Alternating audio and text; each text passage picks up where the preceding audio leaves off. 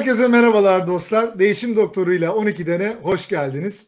Ee, bir kez daha sizinle benim için çok kıymetli olan bir e, konuğumla ve son derece önemli olduğuna inandığım e, konular üzerinden e, geçmek suretiyle birlikteyiz. Kastamonu Entegre'nin kıymetli CEO'su Haluk Bey ile, Haluk Yıldız Bey ile bugün sohbetimizi gerçekleştireceğiz. Aslında biliyorsunuz önceki yayınlardan da şu an itibariyle hem LinkedIn'de hem YouTube'da hem Facebook ve Twitter'da e, canlı yayındayız e, dostlar. Bir taraftan da görüyorum gerek LinkedIn'de gerek e, YouTube'da ciddi miktarda evet kişi dostumuz yayında. Sizlerin de bu yayınla ilgili olarak bir merhabasını, bir iyi yayınlarını alalım. Böylelikle hangi dostlarımız bizi izliyor bir kez daha bilgimiz olsun. Her zamanki gibi böylelikle daha fazla dostumuza da ulaşmasına yardımcı olabilirsiniz. Dedikten sonra sözü çok da fazla uzatmadan e, ben Kastamonu Entegre'nin CEO'su Sayın Haluk Yıldız'ı stüdyoya davet etmek istiyorum dostlar. Haluk Bey merhabalar, hoş geldiniz. Evet, merhabalar Serhat Bey. Nasılsınız? Nasılsınız? Çok teşekkür, teşekkür ederim. ederim. Eksik olmayın, sağ olun. Sizler de iyisiniz. Biz de iyiyiz, sağ olun. Çok teşekkür ederiz. Yoğun mesainizde Sen... eksik olmayın. E, bu zamanı ayırdınız e, bizim için, e, dostlarımız için. Dolayısıyla pandemi dönemi bazen olumlu bazen olumsuz tabii süreçlerde yaşıyoruz. Bu süreçlere dair hem uygulamalarınızı hem de genel anlamda Haluk Yıldız'ın kariyerinden tutun da değişim yönetimi, kriz yönetimi dönemindeki yaklaşımları, organizasyonel kültüre dair olan fikirleri, etkin takımlar kurmaya dair fikirleri üzerine deneyimlerinizi de e, bizimle paylaşacağınız için de müteşekkiriz. Onu da söylemek isterim. Evet, biz de teşekkür ederiz bu fırsatı verdiğiniz için. Aslında Serhat Beyciğim beni biraz güler yüzlü diyebilirlerdi ama ben sizin yanınızda pek biraz somurtkan kalmaya başlayacağım herhalde. Devamlı gülüyorsunuz çok güzel. Aman estağfurullah. Aman estağfurullah. Sizin o her daim yüzünüzdeki bu ifadeyi e, bana da her zaman bu pozitif enerjiniz geçiyor. Sizinle yaptığımız daha evvelki Kastamonu Entegre özelinde yaptığımız programlardan da gayet iyi bildiğim için eminim e, bizleri izleyen dostlarımız da bu enerjiyi kesinlikle yakinen hissedecekler. Aslında sorularıma başlamadan evvel e, sizin cümlelerinizle sizi sizden tanıyabilir miyiz Haluk Bey? Haluk Yıldız kimdir? Evet ben e, 1959 doğumlu, Samsun'da doğdum. Aslen Trabzonluyuz. İlk ortaokul, lise eğitimimizi Samsun'da aldık. Sonra Boğaziçi Üniversitesi Makine Mühendisliği'ni işte 1981 yılında bitirdik. Takip artık 40. yıla falan doğru gidiyor sistem. Yani mezuniyetten sonra bayağı bir uzun bir süreç. Bu dönemde farklı şirkette çalıştık ama en son şu anda Kastamonu Entegre'de genel olarak bulunduğum pozisyonda e, yaklaşık 28 yıldır Kastamonu Entegre'deyiz. 29 Maşallah yani 40 yıl iş hayatı ve 28-29 yılı Kastamonu entegre. Evet, bu da ariyetten de son tabii 20 yılda genel müdür olarak görev yapmaktayım bu 28 yılın. E, dolayısıyla e, bu bizim için tabii güzel bir şey. Bu arada da geçen sene de Kastamonu Entegre'nin 50 yılını kutladık. Aslında bu da güzel bir etkinlikti, güzel bir onurdu bizim için. Sonuçta 50 yıllık güzel bir emek ve karşılığında da sektörün değil yani Türkiye'nin global firmalarından birini olduk. E, tabii aslında Kastamonu Entegre'nin bu heyecan veren yolculuğuna dair e, önemli sorular e, soracağım size. E, zira e, tabii biz marka, markalaşma dediğimiz zaman genelde hep işletmelerden son tüketiciye olan hani raflarda daha çok görmeye alıştığımız markaları marka olarak algılıyoruz ve biliyoruz. En ünlülerini söylemeye de gerek yok aslında buradan tekrar etmeye gerek yok. Fakat işletmelerden işletmeye yani bizim bu B2B dediğimiz e, marka dünyasının da aslında kendine göre dinamikleri var ve Kastamonu Entegre aslında burada kendi sektörel dikeyinde Türkiye'yi bir kenara bırakıyorum. E, dünyanın en büyük e, üreticilerinden sadece tek bir ürün kategorisini söyleyeyim. Dostlarımız biraz daha fikir sahibi olabilsinler. Laminat parke dikeyinde dünya üretiminin tek başına yüzde altısını üreten bir şirket. E, yüzde yüz yerli ve milli yüz akımız olan bir şirket. Dolayısıyla bu ilham veren yolculuğu e, Türkiye'nin dışında farklı ülkelerde de üretim tesisleri olan dünyanın hep e, ürün kategorilerinde en büyük dört üreticisinden e, birisi olan Kastamonu Entegre'nin nasıl buraya geldiğini ve bu B2B markalaşma hikayesini ve yolculuğunu konuşacağız. Ama bundan evvel benim asıl merak ettiğim Haluk Bey bir şey var. 40 yıl üniversite mezuniyet, 28 yıl Kastamonu Entegre. Şimdi bugünün gençleri size göre daha genç olan bizler herkes için de ortak bir sorun var devamlılık konusu. Yani bulunduğumuz yerde ya sebat edemiyoruz, ya mutlu olamıyoruz, ya mutlu olmamamız için herkes elinden geleni yapıyor bilmiyoruz ama e, bugünün profesyonel anlamda iş hayatındaki evlilikleri, nişanları çok kısa sürüyor. E, bu X kuşağı, Y kuşağı, Z kuşağı derken de şirketler bundan çok ciddi muzdarip oluyorlar. Nedir bu kadar uzun soluklu aynı yerde kendinizi böyle ait hissederek, bağlı hissederek e, çalışmanın ipuçları? Bunu biraz sizden duymak isterim açıkçası. Evet tabii öncelikle biliyorsun Türkiye aslında çok geçiş bölgesi yani adına Asya bölgesi diyoruz. Avrupa ile Asya'nın birleştiği bölge. Şimdi biz e, bundan 3-4 yıl önce işte bildiğiniz meşhur LG firması bazı iş ortaklığımız var. Oraya gittiğimizde biz şimdi custom en çok şeyden övünüyoruz yani. Bak her çalışan artık ben işte o zaman diye 25 yıllığım. İşte çalışan direktör arkadaşlar 10 yıllık, 15 yıllık, 20 yıllık. Biz LG'nin ekibiyle beraber e, LG House'u diyelim yani ev ürünleriyle ilgili olan grupla birlikte o da 4 milyar dolarlık büyük bir gruptu. Oturup masaya sohbet ediyoruz. Biz biraz övüneceğiz yani. Biz de bak 25 yıldır çalışıyoruz filan da bir baktım karşısında en gençleri 30 yıllıktı o şirkette. Yani şimdi e, doğuda baktım, övünüyorduk açıkçası. Şimdi doğuda baktığınızda bu kültür yani bir insan bir işe giriyor. Eğer farklı çok bir şey, ayrılmak bir şey zaten aslında baktığında o şirketten de emekli oluyor. Batı ise biraz daha tersi. Türkiye ise tam geçiş döneminde. Tabii de jenerasyon şeyi var ama aslında baktığınızda doğuda da hala bu jenerasyon aslında birazcık farklı yani. Doğu, Batı ve Türkiye'de dediğim gibi her iki şeyden de e, esinlenebiliyor. Yani aslında tabii birinci olay şu. Bir kere yaptığın işi sevmek çok önemli. İşi başarılı olmak çok önemli. E, dolayısıyla bunlar aslında ve o firmada da yapacak kim varsa bu önemli. E şimdi ben diyelim ki 28 yıldır buradayım. Daha hala çok yapacak işim olduğunu görüyorum. O zaman hani bir neden kalmıyor. Niçin başka araçlar içinde olacaksınız? Hem işinizi seviyorsunuz, iş yerinizi seviyorsunuz. İşte diyelim ki benim bulduğum pozisyon olarak üst yönetim, şirket hissedarlarıyla aranız iyi. E, çalıştığınız arkadaşlarla da çok aranız iyi. E, ve şirketin de ufku çok açık. Dediğiniz gibi şu anda her ürettiğimiz ürünlerde dünyada ilk dört değil. Kaç tane Türkiye'de böyle firma var? dünyada ilk dörtte olan. E, laminat parkede yine söylediğiniz gibi dünyanın yüzde altısını üretiyoruz. Yani benim de hedefim inşallah emekli olmadan yüzde onunu görebilmek. Bu hedefi ben kendime koydum. E, dolayısıyla böyle hedefler olduğu zaman da hiç daha aklınızdan hani ayrılma diye düşünmüyorsunuz. Bir de zaten şöyle bakmak lazım. Artık şirketler belli büyükten sonra bir baklaşıyor. Vakıf oluyor aslında bakarsın. Yani bu ülkenin bir değeri oluyor. E, dolayısıyla o değerde sahip çıkmak lazım. Yani sırf ee, yani ben her zaman arkadaşlar söylüyorum. Önce kendinize, ailenize, şirketinize ve kendinize fayda olmak. Çünkü sizi okutan ülke, sizi buraya getiren şirket, e, aileniz size bir Muhakkak. destek vermiş. Dolayısıyla hepsine karşı bir, bir sorumluluğumuz var.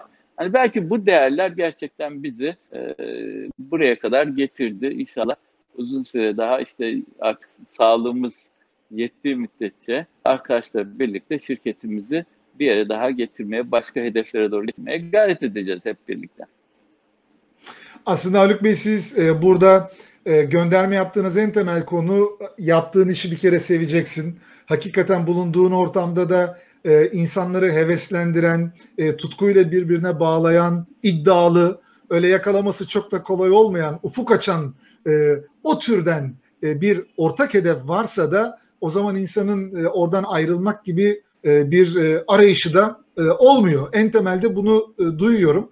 Şimdi tabii siz son derece mütevazi de bir kişilik olduğunuz için Haluk Bey çok hani rahat ve böyle naif cümlelerle bunu söylüyorsunuz. Şimdi Kastamonu Entegre Organizasyonu'nu da yakından tanıyan bilen birisi olarak bir gözlemimi paylaşacağım burada bizi izleyen dostlarla da. Şimdi Haluk Bey'i izliyorsunuz 28 yıl bazen izleyenler arka planda şöyle bir şey düşünüyor olabilirler. Abi adama bak ya şirkete koltuğa kazığı çakmış.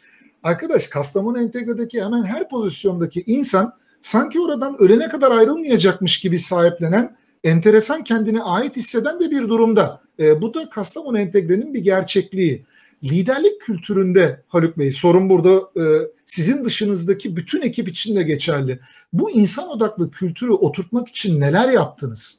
Yani e, ortalığın bu finansallar, kriz, e, bir sürü e, hani karlılık, e, ciro kaygılarıyla böyle mücadele ettiği bir dönemde siz bu insan odaklı kültürden en ufak taviz vermeden e, yolunuza devam ediyorsunuz. Nedir bunun ipuçları? Nasıl insanlar bu kadar kendilerini rahat ve iyi hissettikleri bir e, ortamın e, parçası hissediyorlar kendilerini?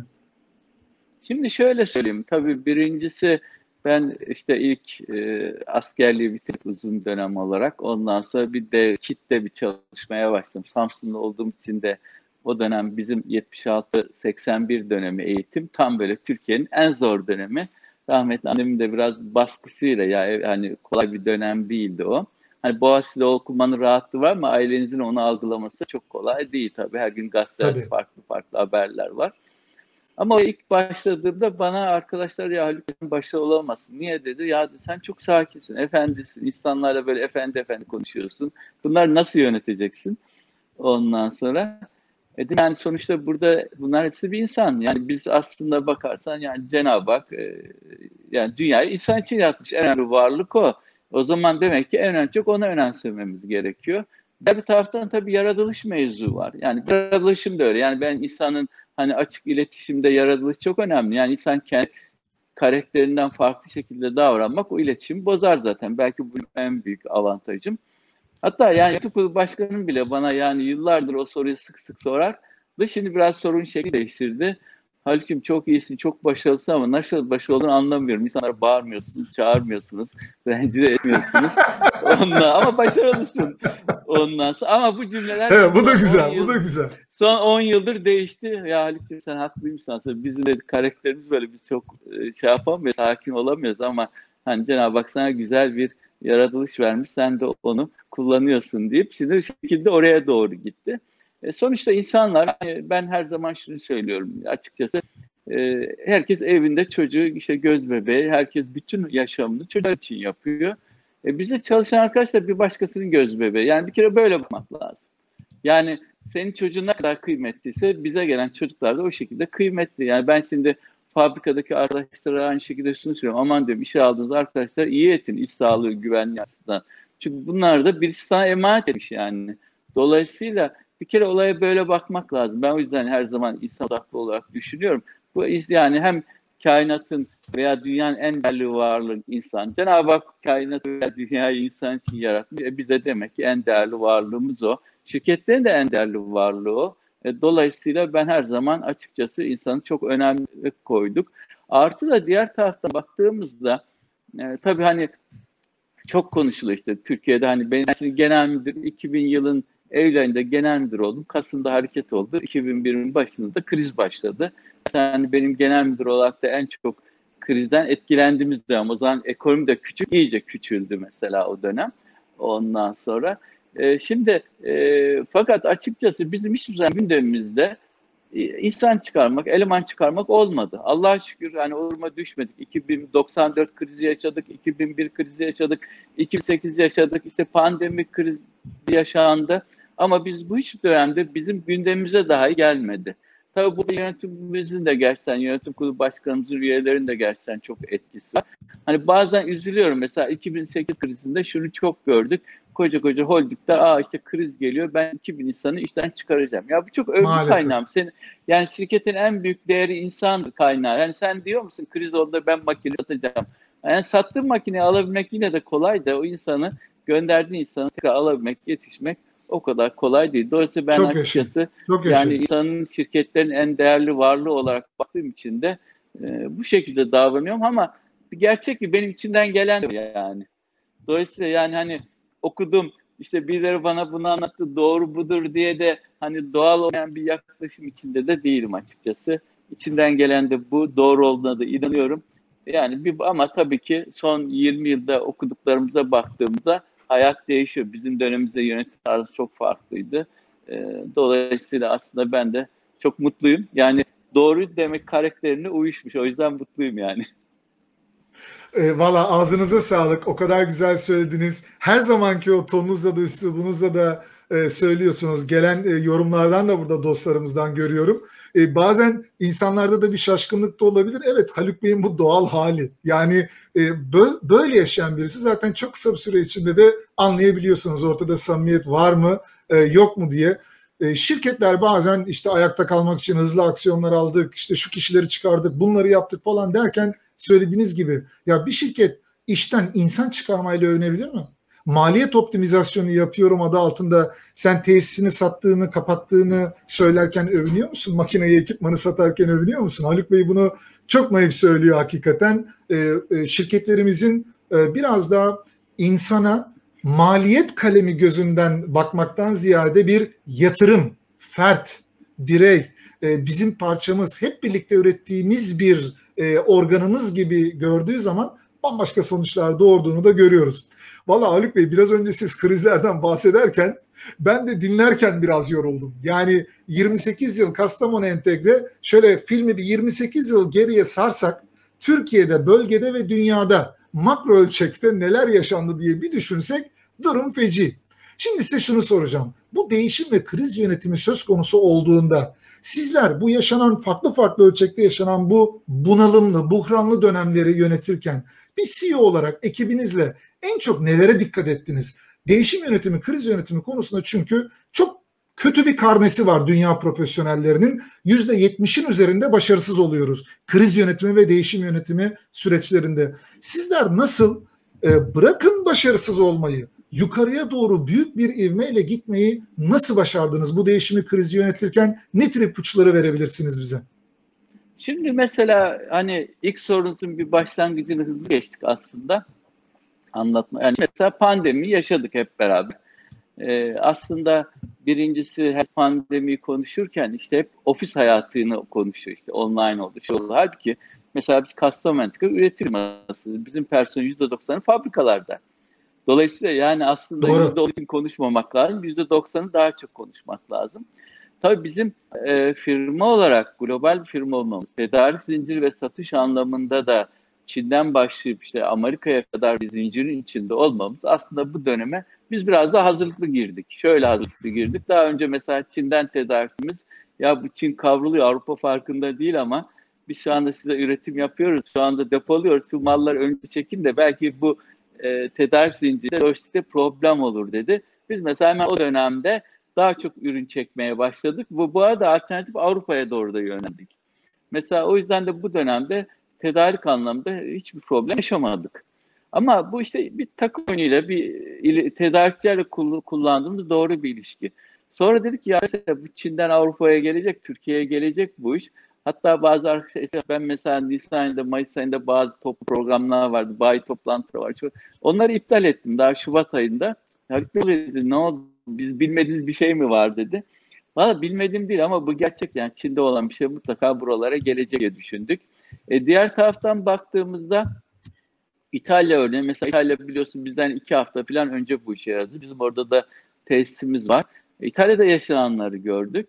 Ve dolayısıyla biz hemen açıkçası bir pandemi kurulu oluşturduk. Dedik ki arkadaşlar yani devletimizin bir kurulu var. Biz de buraya bir pandemi kurulu kuralım. Biz önce çalışanlarımıza öncelik verelim. Yani fabrikada ne tür tedbirler alacağız, yemekhanede, servislerde çalışan insanlarımızda bir problem olduğunda nasıl hareket edeceğiz? Bir kere böyle bir çalışmayla şu anda yani Allah aşkına mesela İtalya düşünün en çok yaşanan bir yer fabrikada bir iki vakamız oldu olmadı. Yani bu büyük bir şey. E diğer fabrikalarımızda da herkese Müthiş, baktığımızda maşallah, evet. duruşa neden hiçbir şey olmadı. Ben gerçekten yani çalışan arkadaşlarımı da tebrik ediyorum. Buradan da kutluyorum, teşekkür de ediyorum. Hatta bazen işte ilk bir iki ay kapatır gibi olduk e, Nisan-Mayıs aylarında. E, sonra açılırken arkadaşlar birazcık tereddüt etti. Dedim ya bizim personelimizin yüzde 3000 kişinin 2700'ü fabrikalarda bunlar hiç tereddüt etme dedim. Eğer bunlar sizin gibi tereddüt etseydi bugün işten çıkarmaları konuşacaktık. Ofise dönmeyi değil de başka şeyleri konuşacaktık. Ama bu arkadaşlar sizin yerinizde çalıştı ve gerçekten de görevini yaptı. Hatta açıkçası ihracat o konuda ara vermedik. Hatta çok hoş bir şey oldu. İşte uzak doğuda bir ülkeye ihracat yapıyorduk konteynerlerle. firma ya hani biz dedi diğer Avrupalı firmalardan ürünleri alamıyoruz. Sizden daha çok alabilir miyiz? Alabilirsiniz. Ama biz inanamıyoruz durmadığınıza. Resimler çekti arkadaşlar konteynerlerle falan böyle mallar yüklenmiş gönderdiler. Çok mutlu oldular. Hatta gerçekten de onların taleplerini yani normalinden daha fazlasıyla karşıladık o dönemde. Dolayısıyla şimdi baktığımızda olay böyle baktığınızda daha iyi yönetebiliyorsun. Ondan sonra da madem de ofisleri kapattık ama bu sefer bir zaman avantajımız da oldu. Niye?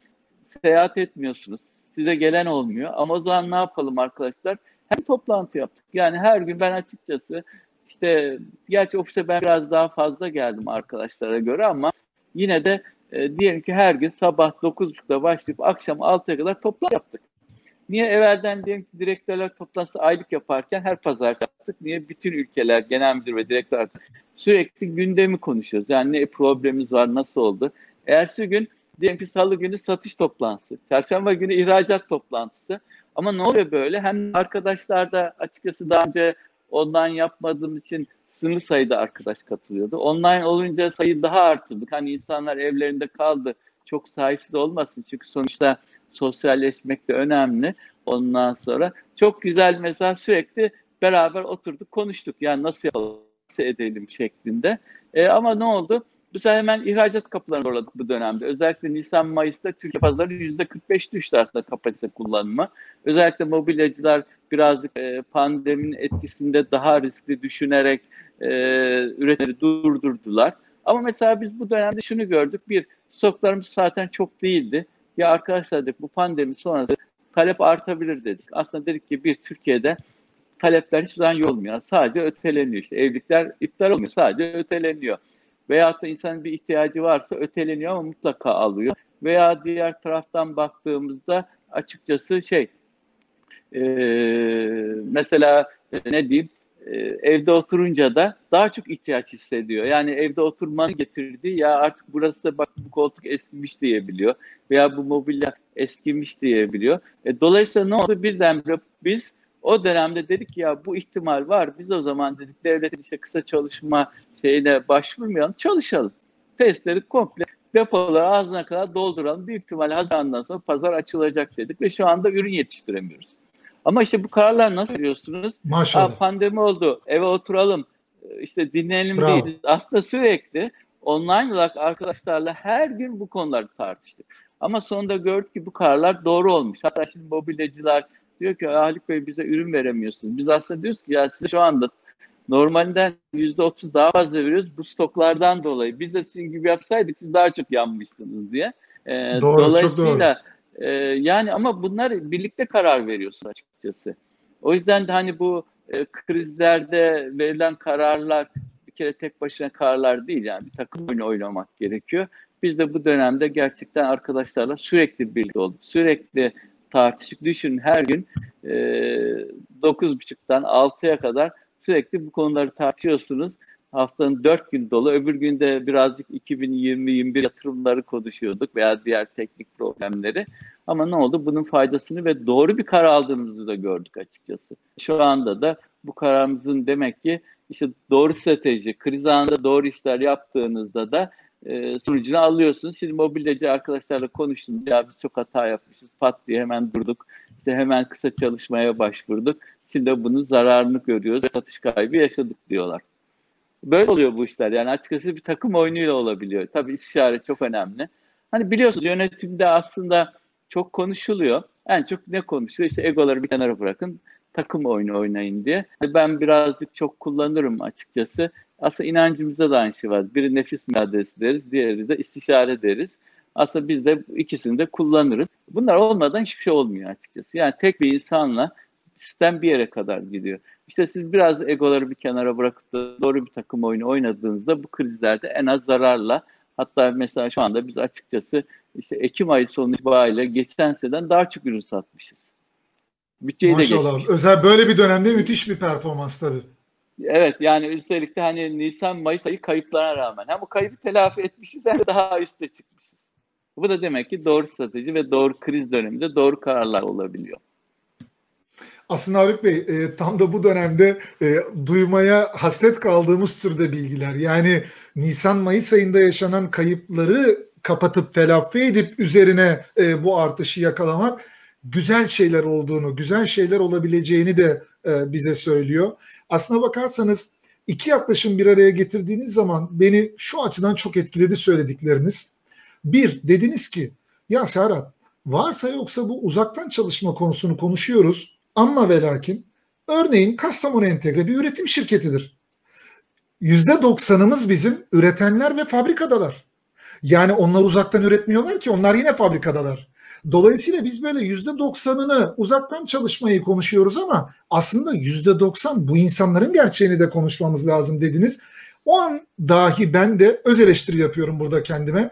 Pek çok üretim fabrikası ile e, üretim e, odaklı şirket için bile aslında bazen konsantrasyonumuzun çok yanlış yerlerde olduğunu e, görüyoruz. O insanların da bir zamanı, canı, ailesi, sağlığı, kaygıları vesairesi var. Fakat evden rahat çalışıyor musun, motive çalışıyor musun diye sadece beyaz yaka odaklı düşünmenin de aslında çok da doğru bir şey olmayacağına dair çok net bir spot e, tuttuğunuzu e, gördüm. Açıkçası beni çok etkileyen bir konu oldu bu farkındalık açısından. Bir ikincisi de dediniz ki e, bu kriz yönetim dönemleri vesaire hani takım olalım böyle toplantı odalarında büyük büyük posterler olur ya e, Haluk Bey takım olalım hep birlikte olalım evet. falan diye. Fakat diyorsunuz ki kararları alırken birlikte almak bunun en önemlisi. E, işte tam da hararetin en yüksek olduğu, ortalığın yangın yeri olduğu dönemlerde ekipleri bu kadar kritik ve stratejik kararları alırken dahil e, edilmiş hissetmeleri her birinin e, bu e, performansta şüphesiz müthiş bir e, katkı vermiş. Bu noktada sizin nezdinizde tüm Kastamonu Entegre ailesini üreteninden karar verenine kadar kapıdaki güvenlik görevlerinden, üretim tesislerindeki güvenlik görevlerinden lojistiği sağlayan dostlarımıza kadar bir kere daha tebrik ederim. Aslında bilerek artık e, bu noktada e, cevabını bildiğim bir soruyu soracağım ama herkesin ya kaç kişiyi çıkarsak diye birbirinin gözüne baktığı bir durumda. Pandemi döneminde istihdam politikanız nasıl oldu Haluk Beyciğim? Bunu da paylaşır mısınız bizimle? Şimdi ben tabii çok değişik bir cevap vereceğim.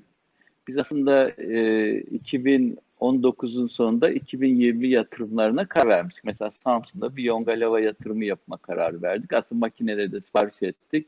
E, dolayısıyla hedefimiz de 2021 Nisan'da devreye girmekte. Ve bu Covid dönemine rağmen program gecikmeden Allah'a şükür devam edecek ve tesis devreye girecek. Dolayısıyla diğer Güzel. yatırımlar da vardı. Bu yatırımlardan dolayı aslında biz bu sene e, yani 200 kişiye yakın eleman aldık.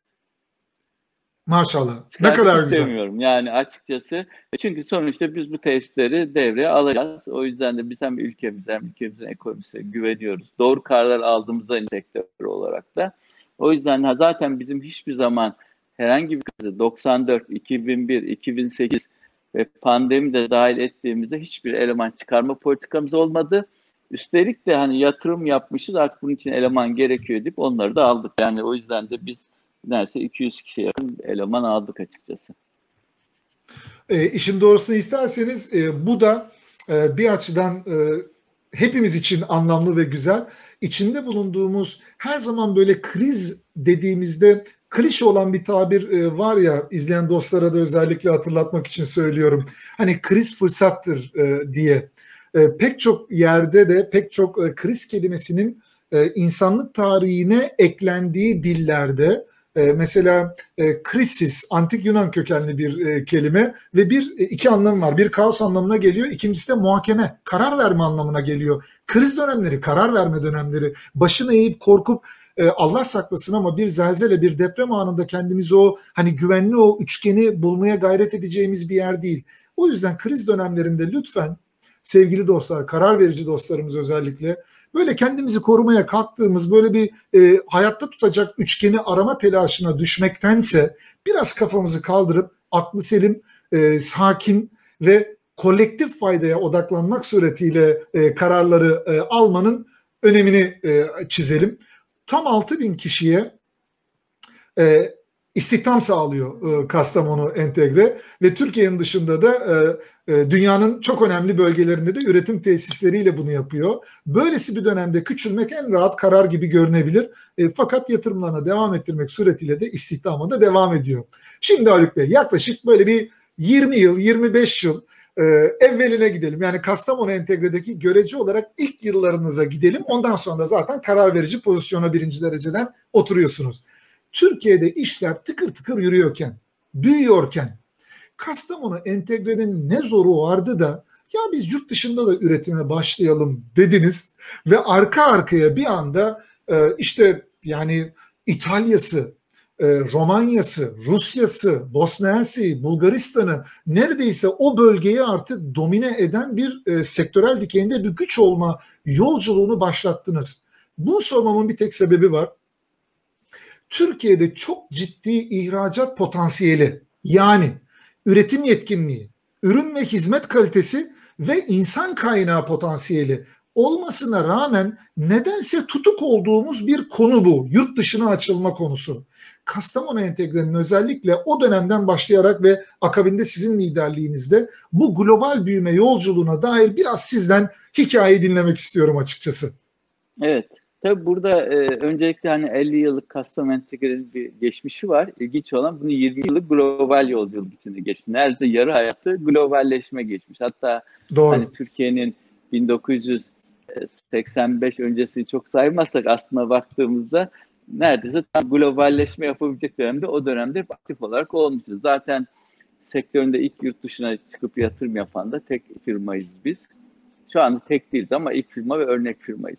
Burada aslında çok e, basit bir şey var. Hani e, birinci olay şu, bizim Hayat Holding olarak iki tane ana şirketimiz var. Bir Hayat Kimya, daha çok işte nihayet tüketicilerin bildiği, işte hem e, temizlik elemanlar, işte Bingo markasıyla, hem de e, Morpix ve Morpet'te hijyenik pedler var. E, diğer taraftan da kağıt markalar, işte Familia ve Papya ile birlikte bu ürünler üretiyor. Diğer taraftan da bizim e, kendi e, özellikle mobilya inşaat sektörüne hizmet eden de e, ürün grupları da custom entegre tarafında. Yani biz ne yapıyoruz? Mobilya inşaat sektörünün olan ürünleri üretiyoruz. Şimdi burada açıkçası e, şu kararı vermek durumdayız biz e, şirket olarak, grup olarak. Şimdi sonuçta Türkiye'nin pazarın büyüklüğü belli bir seviyede. O yüzden de sürdürülebilir büyümeyi düşündüğünüz zaman yeni pazarlara gitmek zorundasınız. Yani her şeyi Türkiye'den üretip Türkiye dışına satamazsınız. Dolayısıyla hani Türkiye'de bazı gruplar var ki ya artık burada pazarda doyuma geldik. E, dolayısıyla biz inşaata girelim. Biz işte bilmem e, enerji işine girelim vesaire gibi. Çünkü açıkçası yurt dışında kendi işlerinde büyüyebilmek için yeterince kurumsal yapısı ve insan kaynağı oluşturmadığı için ve o riski de alamadığı için. Ama yani bizim yönetim kurulu başkanımız, icra kurulumuz bu konuda bize güvendi. Sonuçta zaten çok sade ve basit bir yapıyız. Yani sonuçta yönetim kurulu başkanımız Yahya Bey var. Yahya Kiyılı işte e, Amir Bey var. Amir Kiyıl'da icra kurulu başkanımız. Sonuç olarak e, iki kişi bize güvendi. Tamam biz zaten hedefimiz bu dedi. Aslında hem Hayat Kimya hem Customer Entegre olarak açıkçası biz e, önce Customer Entegre olarak 1998 yılında başladık. Sonra Hayat Kimya olarak da devam etti. Hatta onlar şimdi bizden daha çok ülkede yatırım yapıyorlar. Ama buradaki temel mevzu şu. Bir, sürdürülebilir büyüme için iki yol var. Ya başka sektöre gireceksiniz çünkü sektör artık belli doyuma gelmiş yahut da yurt dışına açılacaksınız. E bu arada eğer sizin altyapınız, insan kaynağınız, kurumsallık yapınız ve bu arada tabii yurt dışına yatırım yapmak da risk almak demektir. Yani yönetiminde bu riski aldığı an bu harekete başlıyorsunuz. Dolayısıyla aslında bizim temel ayrımımız buradan başlıyor. Biz holding olarak biz başka konuya girmeyeceğiz. Bizim iki tane konumuz var. Bu konuda büyüyeceğiz dedik. O zaman bu konuda büyümeyi hedefliyorsanız her şeyi Türkiye'den üretip yurt dışına satamazsınız. Oralarda da olmak zorundasınız. Biz oralarda olduk. Tabii bu bizim Türkiye'yi ihmal etmiş anlamına gelmiyor. Daha ile Kastamonu entegre olarak biz Türkiye'de yüzde otuz pazar payına sahibiz. Ama yani bunu yüzde otuz, yüzde kırk, yüzde elliye zorlamak doğru değil. Zaten o haksızlık olur. E, dolayısıyla biz Bravo. Türkiye, e, diğer ülkelerin pazarlarına doğru gidelim. E, dolayısıyla aslında bu, bu nokta çok önemli. Yani e, asıl kritik iki tane konu var. Yani birincisi ben ülkemde kalıp farklı konulara gireceğim veya da ben risk alacağım, dışarı çıkacağım. Ama bunu da dediğiniz anda işte bu insan yap, insanınızın olması gerekiyor. O kurumsal yapının olması gerekiyor. Dolayısıyla biz ikisini birden becermiş olduk. Hem risk aldık hem de bu yapımız oldu. Dolayısıyla temel farklılık e, burada oluşuyor. Tabii burada pardon e, yani şöyle de söyleyeyim. Ben şimdi 98 yılında dediğim gibi ilk yurt dışında yatırımlara başladık. Ondan sonra e, o sırada genel müdür yardımcısı teknik yani tüm yatırımları biz yönetiyorduk. İşte yönetim kurulu başkanımız genel müdürlük görevi verince de 2000'in sonuna doğru e, dolayısıyla artık her yönüyle bakmak zorunda kaldık.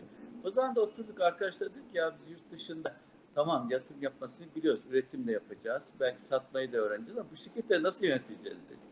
Daha bu soruyu 2001'de sorduk yani. 2000 zaten Ekim'inde, Eylül Ekim'de genel. Kriz dönemi işte o da bir kriz dönemiydi. Yani o kriz döneminde bir yandan krizde ayakta kalmayla uğraşırken düşün Türkiye'de 2001 krizi var. Siz aynı anda Romanya ve Bulgaristan'a yatırım yapıyorsunuz. Dövizi Türkiye'de almak mümkün değil ondan sonra. Dolayısıyla... Dile kolay hakikaten. E, öyle bir dönemde ya biz bir yandan ama buna da hazırlandık. Mesela ondan sonra gördük ya bizim organizasyon olarak işte bir ERP programımız gerekiyor dedik. Çünkü sonuçta biz burada iş yapı şeklimizi, kültürümüzü oralara da transfer etmemiz Organizasyon oraya transfer etmemiz gerekiyor. Mesela o zaman onu da gördük. Tamam hemen ERP e, programı alalım. Bunu uygulayalım. Ondan sonra buradaki sistemleri direkt oraya taşırız diye düşündük. Ve bunlar şimdi mesela şu anda diyelim ki İtalya'ya devreye aldık iki yıl önce. Ya İtalya nasıl satın alma yapacak, nasıl satış yapacak, stoğu nasıl girecek, faturayı nasıl kesecek? İnan ki artık bunları konuşmuyoruz. Şu anda buradaki SAP uygulamasını direkt orada uyguluyoruz. Benim bile haberim olmuyor artık. Çünkü sonuçta biz burayı yapıyoruz, bu modeli oraya taşıyoruz. O zaman işler de kolaylaşıyor aslında açıkçası. Dolayısıyla biraz öyle bakmak lazım. Ee, sonuç olarak e, tabii Türkiye'nin ne diyoruz? En çok neye ihtiyacı var? Global marka ve firmalar ihtiyacı var. Sadece marka firma anlamında düşünmekten. Sonuçta B2B'ler marka değil firma olmak zorunda. E, dolayısıyla biz global firma olduk. Artık Türkiye'nin sektörünü demeyeyim. Çünkü sektörü zaten en büyüğüz ve e, globalleşme onda ilk ve daha en büyük olarak devam ediyoruz. Ama Türkiye'de kendi konusunda işte dünyada ilk dörtte olan, altı ülkede üretim yapan, bunları satabilen, 100 ülkeye ihracat yapan, e, Türkiye şu anda Kastamonu'daki Türkiye'de sektöründe ihracatta 10 yıldır açık ara önde. Üstelik yani yurt dışında üretim yapıp oraya satmamıza rağmen. Hatta şu anda açıkçası toplam ciromuzun %60'ı Türkiye dışında. Ya dışarıdan üretip dışarıya satmışız veya Türkiye'de üretip e, ihracat yapmışız. Yani toplam cironun %40'ı ancak Türkiye'de. Zaten globalde böyle oluyor, oluyorsunuz. E, biz de Allah aşkına bu konuda başarılı olduğuma inanıyoruz. Ama tabii ki başarının sonu yok. Hep daha iyi, daha güzel olmak zorundayız. Ee, yani daha hala her zaman ajandamızda daha daha iyi nasıl yaparız bunu sürekli konuşuyoruz. E, aslına bakarsanız e, e, Haluk Bey, e, bu arada bir şey soracağım. Bir e, hemen biraz önce bir uyarı geldi. E, sesiyle ilgili diye kulaklıkta bir problem mi e, oldu Haluk Bey? Evet. Ee, Şimdi bir konuşabilirsiniz. Evet evet tamam demek ki demek ki kulaklık evet evet e, şimdi uyardılar çünkü bir an sesi azaldı e, diye ama şimdi gayet e, iyi geliyor. Şimdi şunu soracağım e, Haluk Bey aslına bakarsanız e, çok hoşuma gitti. E, benim için de manşet niteliğinde pek çoklarımıza da ders olması gerektiğini düşünüyorum. Diyorsunuz ki bir noktadan itibaren ülkemin diğer oyuncularıyla rekabet edip zaten belirli bir yere getirdiğimiz potansiyelde enerjimizi etkin kullanmayıp israf etmektense bu rekabetçi üstünlüğümüzü yurt dışındaki pazarlara kanalize ettik diyorsunuz. Nedense bazen biz iç pazarda birbirimizle mecazi manada o kadar çok didişiyoruz ki şu 1-2 puan pazar payları için. Halbuki yurt dışında globalde e, yüzlerce adres var, bölge var, ülke var, e, gidilebilecek, büyülebilecek. E, bunun en güzel örneklerinden de aslında birisi olduğunu e, anlatıyorsunuz. 25 yıl evvel ortada olmayan bir dış pazar varken uluslararası yatırımlar anlamında bugün e, yanlış anlamadıysam Ciro'nun yüzde 60'ı uluslararası operasyonlarınızdan geliyor. Türkiye dışındaki operasyonlarınızdan geliyor ki e, muazzam. Veya Şimdi burada Türkiye'de kritik, üretip de ihraç ettiklerimiz de var. Ya da. Türkiye'de üretip de ihraç ettiğiniz yani dış pazar odaklı bir pot, e, potansiyelden geliyor. Şimdi şunu evet. soracağım. E, hatırlarsanız programın başında da söylemiştim Haluk Beyciğim. Bu hani bizde sıkıldıkça Twitter'da falan böyle paylaştığımız e, ya da böyle dost meclislerinde konuştuğumuz bir şey var. Memleketten marka çıkmıyor. Bizden marka çıkmaz. Şimdi varsa yoksa bu B2C dediğimiz bizim işletmelerden son tüketiciye markalara odaklanıyoruz. Ama bizim aslına bakarsanız B2B yüz akı Avrupa'da ve dünyada derece alan markalarımız var. Kastamonu Entegre'de bunlardan birisi.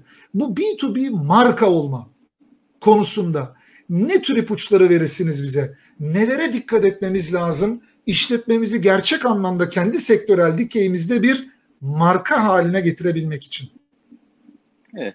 Şimdi aslında bakarsanız hani B2C ile B2B arasında belki şey, aslında işler aynı. Farkı ne? Birinci hedef pazar. Yani diyelim ki Hayat Kimya 80 milyon hedefliyor. Biz belki 3000 kişi hedefliyoruz. O 80 milyona hizmet edecek. Ama sonuçta markalaşmaya giden yol olarak baktığında birisi ne var? Müşteri ihtiyaçlarını ve taleplerini karşılamak var değil mi? Yani baktığında kaliteli ürün sunmak var. İşte ona güven vermek var. İşte etmek var. Ondan sonra işte duyulara hitap etmek var. O beş duyuya. E, baktığında tedarik zincirini güzel yönetmek var. Yani ham maddeden tut müşteriye sunumuna kadar işte diyelim ki markete. İletişimin iyi yapılması var. Aslında bizde de aynı. Fark etmiyor. Müşteri kitlesi farklı. Yani biz 80 milyona hitap biz, aa, bizde işte şöyle bir fark oluyor. İnsan daha önemli oluyor. Nasıl daha önemli oluyor? Çünkü biz sonuçta müşterimiz kim? Bayilerimiz var. İşte diyelim ki üreticilerimiz var. Diyelim ki mimarlarımız var. Diyelim ki ustalarımız var. Dolayısıyla bu bin, iki bin, üç bin, beş bin kişi diyelim. O zaman bunlarla ilişkilerde kişisellik daha öne plan. O zaman da demek ki insanımızın kendisini, işini, şirketini, ülkesini seven insanlara ihtiyaç var. Dolayısıyla aslında bir şirket olarak aynı şeyleri yapıyoruz. Yani bir de olan ne yapıyoruz? güven olmasını istiyoruz. Mesela şimdi diyelim ki güven faktörü. Ben aslında çok bir insan odaklılığı çok önemserim. İkincisi güveni çok e, önemserim. Yani geçerlidir. Ürün kalitesinden emin olmak ister. Bir sıkıntı olduğu zaman hani niye kampanyası 15 kere iade edebilsin? O da güvenin bir parçası. Dolayısıyla şimdi diyelim ki kurulu başkanı baş, bana güvendiği için bu kadar yatırım yapıyor. Ben arkadaşlara güvendiği için bu kadar yatırım yapıyorum. Müşteri bana güvendiği için benimle çalışıyor. Yani dolayısıyla o güven zinciri aslında o kadar çok önemli ki bu B2C'de önemli, B2B'de çok önemli. Ama sonuç olarak aslında başlıklar B2C ile B2B çok değişmiyor. Sadece hedef kitleler değişiyor. Yani B2C'de ne yapacaksan B2B'de aynı şey yapıyor. Şimdi bizim mesela diyelim ki bu sadece Türkiye için diğer ülkelerde aynı. Biz şimdi bayimiz Customer bayisi olmak istiyor. Ne olmak istiyor biliyor musun? Gelecek görüyor. Güven görüyor. Bu doğru ürün verir diyor. Kaliteli ürün verir. En iyi ürünler onlardır. Ürün çeşidi ondadır diyor. Birinde bir problem olsa öbür tesisinden ürün verebilir diyor. Benim çocuğum da bir şey yapabilir diyor. Çünkü sonuçta burada bir güven unsuru vardı. Yani pat diye bayilik değişmiş, değişmiyor diyor. Sözlerini tutuyor diyor. O zaman da ne oluyor? Herkes entegrinin bayisi olmak istiyor. Dolayısıyla ama bu kültürü aslında yurt dışına da getirdik. Yani ben şunu söyleyeyim hani mutlaka ki ülkelerin kültürlerinde bir farklılık vardır. Ama biz ben gerçekten o kadar büyük farklılık da görmüyorum. Yani e, baktığımızda insan insan yine. Yine o sıcak ilişkiyi istiyor, o yakınlığı istiyor, o güveni istiyor. Biz şimdi bu güveni Rusya'da oturturduk, Bulgaristan'da oturduk, Romanya'da oturduk, Müthiş. İtalya'da oturduk. Hepsinde de yaptık. E, dolayısıyla ürün kalitesini hepsinde yapmaya gayret ediyoruz. İşte tedarik zinciri ne diyeyim? Atıyorum bu pandemi döneminde işte yok ham maddemiz eksik olduğu için veya işte kimyasalımız gelmediği için tesisleri durmadık. Müşterilerimize ürün vermede sıkıntı yaşamadık. E, dolayısıyla ne oluyor? Aslında baktığınızda bütün bunları yaparsanız nasıl ki marka olunursa aynı marka firmada böyle oluyorsunuz. O yüzden hani ben açıkçası e, bu Türkiye'de oturduğumuz hem iş yapı şekli süreçleri hem sistemi oraya taşıdık hem de kültürümüzü oraya taşıdık. Mutlaka ki oranın kültürleriyle birlikte biraz farklılıklar oluşmuştur. Ama biz açıkçası custom entegre dediğimiz an e, her yerde aynıyız. Yani herkes Rusya'ya da gittiğinde ya diyor ki tamam gerçekten diyor siz güvenir güzel firmasınız, ürün hakkındasınız, kalitelisiniz. İşte bizim sözünüzde duruyorsunuz diyorlar. E, dolayısıyla biz aynı e, kültürü her yere taşımaya gayret ediyoruz. Tabii dediğim gibi bunlar kolay olmuyor. Beceremediğimiz kısımda oluyor. Özellikle bu son iki ayda mesela mobilyacılar çok şikayet ediyor. Yeterince alamadık diye ama ben dedim ki aslında siz kendinizi şikayet edin ondan sonra. E, çünkü siz dedim e, Nisan Mayıs'ında bu kadar çok durunca iyi ki biz size güvenip durmamışız dedim. Biz çalıştık şimdi daha fazla ürün veririz ama sizin talebiniz ikimiz artmış onu veremeyiz diyoruz. Dolayısıyla aslında markalaşma veya B2B'deki veya B2C'deki markalaşma aslında çok çok birbirinden farkı yok. Ama şu gerçek ki e, bu sefer tüm çalışanlarınızın birebir ilişki olduğu için B2B'de üreticiyle, mobilyacıyla, mimarla o zaman her bir insanınızın daha böyle insan odaklı olması, daha ilişki odaklı olması e, gerekiyor. Çünkü diğer işte diyelim hayat kimyanı ve diğer şeylerdeki daha çok tepki reklamlar üzerinden diğer üründen bu 80 milyonda iletişim kuruluyor ama biz iletişimler birebir olduğu için açıkçası e, bu konuda daha önemsiyoruz. Dolayısıyla insan kaynakları çok daha bu anlamda bu kültürde olması gerektiğini düşünüyoruz. Fakat dediğim gibi yani insan odaklı olmak, peşine güven bu çok önemli. Bu zincir koptuğu an yürümez. Yani düşünün şu anda şirket yatırım yapıyor, borçlanıyor. E şimdi patronumuz ne yapıyor? İmza atıyor kredileri. E şimdi ben gitsem ne olacak? Borçlar ona kalacak, bana kalmayacak. Ben profesyonelim ayrılmış olacağım. Şimdi ne oluyor? Sana güveniyor. E ben şimdi yatırım yaptım. Ne yapacağız? E çalıştığımız arkadaşlara güveniyor. Onlar kime güveniyor? Bayilerine güveniyor. E bayi niye bizde çalışıyor? Bize güvendiği için. Ürünü kaliteli, düzgün firma sözünde durur diyor. Dolayısıyla bu zincir ancak sistemi ayakta tutuyor. Bence bir şey yani her zaman onu söylerim. Yani bir şirketi ayakta tutan birincisi insan olmak, ikincisi güven zincirini en tepeden en alta kadar oluşturmak. Yoksa başka türlü ben başarılı olma ve büyümeyi e, mümkün görmüyorum açıkçası. Ağzınıza sağlık Haluk Bey. Gerçekten e, e, pek mühim e, olan iki tane konunun altını çiziyorsunuz. İnsan odaklılık ve güven ve bu zinciri, bu halkayı da hiçbir şekilde e, kopartmamak lazım. Sürdürülebilir büyüme ve performans için e, diyorsunuz. E, bu arada da şöyle bir de e, not düşeyim e, e hem dostlarımıza hem size. Genelde de çok sık olmaz. E, ben de belli noktalarda biraz hayret ettim ama e, LinkedIn'den daha fazla YouTube'da da izleyici kitlesi oldu bu programın. E, ki genelde ana kitlemiz hep LinkedIn olur ki yaklaşık hep yüzlerin üzerinde canlı yayında e, seyreder bu. YouTube'da da e, bir o kadar e, eşimiz dostumuz sizi dinliyor, izliyor. E, bu yüklenmenin de bir etkisi olabilir. Bazı notlar var. Ara ara bağlantıda kopukluk olabiliyor. Böyle minik minik kesintiler olabiliyor diye dostlarımız da artık kusura bakmasınlar. E, internet bağlantı vesaire biraz bunun da etkisi olabilir. Toplamda anda canlı yayında sürekli çünkü ben bir taraftan gözüme canlı yayın rakamlarında e, 200 aşkın kişi aynı anda farklı platformlarda şu an e, bizi izliyor ki toplamda da 2000'e yakın olduğunu da yine e, gözlemleyebiliyorum. Şimdi e, Haluk Bey şunu soracağım. Dediniz ki Serhat insan odaklılık ve güven bu halka kopmayacak. Kriz dönemlerinde de değişim dönemlerinde de özellikle ekiple birlikte karar almanın altını çizdiniz. Şimdi soruyu Haluk Yıldız özelinde sormak istiyorum.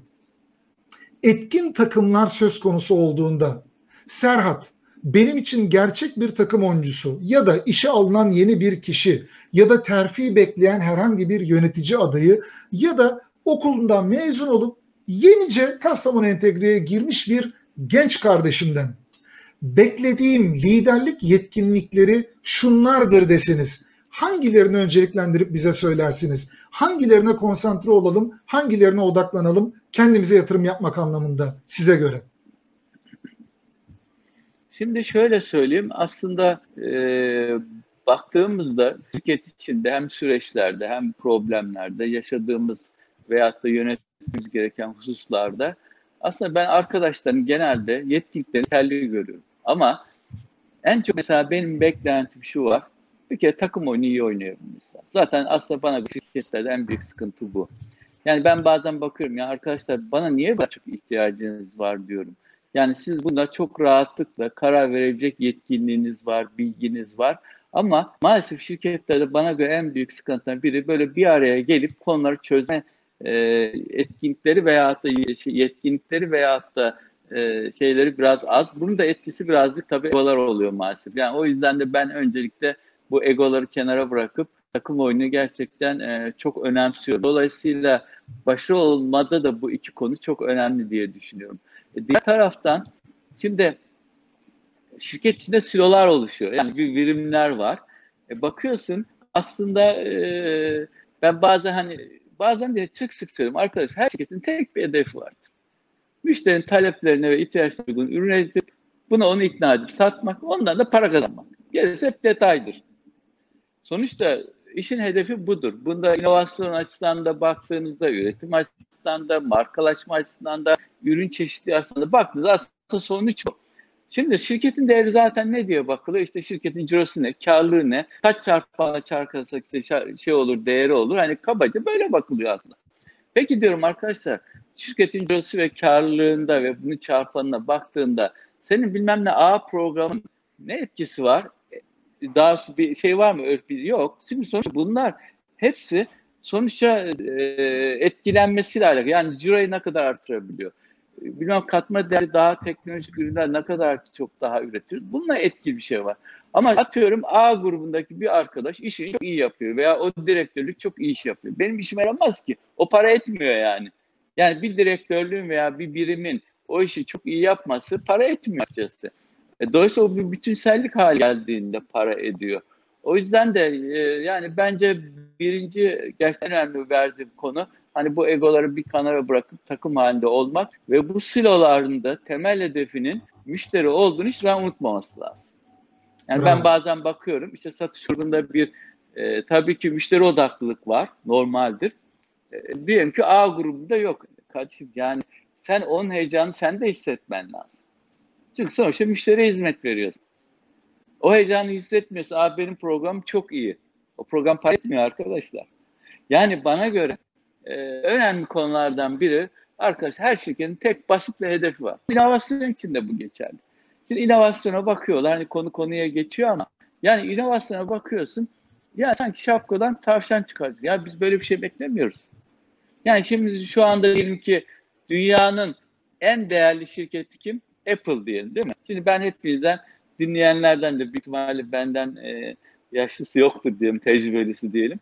Ya şimdi ben 1976 üniversite üniversiteye başladım. Tabii o sırada biliyorsun işte 12 Eylül dönemi öncesi çok da sıkıntılar var. Benim en büyük birinci problemim iletişim. Çünkü ailem sürekli her gün benden haber alıyor. Ama alamıyorum. Niye? Anksiyonlu telefonlar sürekli arızalı. İşte evde telefon yok çünkü 10 yıl bekliyorsun telefonu almak için. Komşuyu arıyorsun falan. Demek ki benim 76'dan beri en büyük ihtiyacım iletişim. Yani telefonu aldığımda rahatlıkla aileme ulaşabilmem. Şimdi Apple bunu yani uzaydan bir şey getirerek yapmadı. Aslında bu ihtiyaç vardı. Bu ihtiyacı yapabilir hale geldi. Yani şimdi arkadaşlar yani veya diğer tarafta hani bir inovasyon hafiften geçmiş gibi olduk ama yani diğer taraftan baktığımızda diyelim ki ilkokula hemen başlayan çocuğa ders cetveli verilirdi. İşte ajanda yani şimdi telefonda onu bekliyoruz. Evvelden belki siz bilmezsiniz Zenit'in böyle koca makineleri vardı. Fotoğraf çekmeyi severdik yanımızda har har 2 kiloluk şey 1 kiloluk şeyi taşırdık. E işte taşımaya ihtiyaç yok. Yani aslında şu anda dünyanın en değerli dediğimiz şirketin yaptığı iş benim 50 yıldır olan ihtiyacımı yapıyor. Daha da iyileştirmeye gayret ediyor. Veya diyelim ki ben gezmeyi çok severim. İşte alırdım haritaları. Haritayla gezerdim yurt dışını mesela. E şimdi haritaya ihtiyaç kalmadı. Ama ihtiyaç o zaman da vardı bu ihtiyaç. Ama olmayınca haritayla yapıyordun sonuçta. Yani Hatta daha ilginç bir şey. Geçen de mesela bir hani çok da şeydi büyük firmalar için söyleyebiliriz. İşte müzik programı hani biliyorsunuz Apple'ın da müziği var. Bir de Spotify var. Benim küçük oğlan Spotify'ı seviyor. Niye seviyorsun oğlum dedim. Baba diyor onda da güzel diyor. Herkes de albüm yapabiliyor. Birbirimizin de albümlerimizi kullanabiliyoruz dedi. Dedim ya 1980 yılında o zaman bizim ülke haklarda çok sıkıntı olmaz. Kasetçilere gittiğin zaman abi bana güzel bir albüm doldur derdi doldururdu. Yani şu anda o Spotify'ın çok üstün dediği özellik aslında vardı zaten. İhtiyaç da varmış demek o zaman. Hani Bravo. Türkiye'de belki Spotify bunu bilmeyebilir. Yani Türkiye'de mülki haklar biraz daha hele o dönemde çok rahattı. E demek ki yani aslında bugün yapılan şeylerin hepsi yıllık ihtiyaçları kolaylaştırmak ve ayağına getirmek ve hatta bunu taşınabilir hale getirmek. O yüzden de şirketler arkadaşlar yani herkes böyle bir şapkadan tavşan çıkarmak diye bakıyor. Yok bu Tesla şirketin amacı ne? O am maddesini alıp müşteri ürünü vermek. Bu süreç içinde her şeyi daha iyi yapmak. Bu sürece oluşturduğun her bir katkı inovasyondur işte. Yani şapkadan eğer tavşan çıkmaya uğraşsan yanlış yere gir. Mutlaka ki biz ARGE departmanınızda bile diyorum ki sizin yüzde seksen göreviniz zaten yani ana işlerimizi daha iyi yapmak için. %15-20 de farklı biraz daha ileri dönük O da farklı derken daha ileri dönük ihtiyaç olabilecek projelere gidiyor. Ama daha hala %80'i benim üretimde kullandığım prosesi iyileştirmeye gidiyor. Dolayısıyla biz inovasyonu da aslında yanlış algılıyoruz. Yani sonuçta bizim hedefimiz çok basit ve sade. Müşteri ihtiyaçlarını, taleplerini görüp bunu en iyi şekilde yapıp müşteri ikna edip bunlar para kazanmak. Herkes mutlu, müşteri müşteri. Yatırımcı mutlu. E çalışan da maaşını aldığı için mutlu. Bu böyle yani dolayısıyla şimdi tek hani ikisini birleştirirsek yani birinci konu ben insanda önce gerçekten takım oyunu ve egoları bir kenara bırakmak. Silolaşmayı engellemek. Sonuçta herkesin hedefi tek müşteri yani. E diğer taraftan baktığımızda e, özellikle gençlere de şunu söyleyeyim. Yani kendini geliştirmesi lazım. Yani düşün ben şimdi 1981'de mezun oldum. Boğaziçi'den de oh makine mühendisliği diplomasını aldım. E o beni bu 40 yıl taşır mıydı? Mümkün değil. Yani ben çok yaşayın ya. Yani Hakikaten çok yaşayın 200, ya. Bunu duymaya o kadar çok yani ihtiyaç var ki. Yani ben 200 200 kitap okuyorum. Şimdi gençlere bakıyorum. Bütün hayatını sosyal medyada geçiriyor.